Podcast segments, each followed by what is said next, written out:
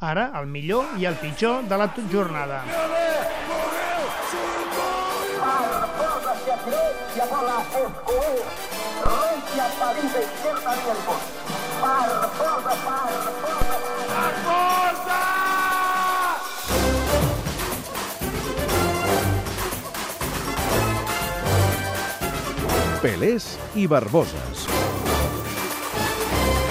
Comencem pel millor de la jornada, pel nostre Pelé.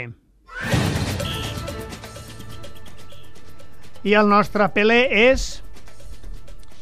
Antoine Griezmann. Griezmann és una mena d'enfant terrible del futbol francès. Deschamps el va treure per intentar desencallar el partit contra Nigèria ahir i no van fer falta molts minuts perquè la seva presència comencés a decidir el partit a favor dels francesos. A més, Griezmann va tenir la dignitat de no celebrar ni una mica un gol que semblava seu però que realment havia fet en pròpia porteria un defensa nigerià.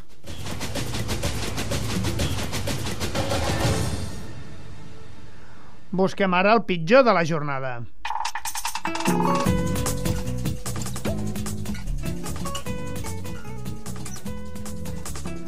El nostre Barbosa és...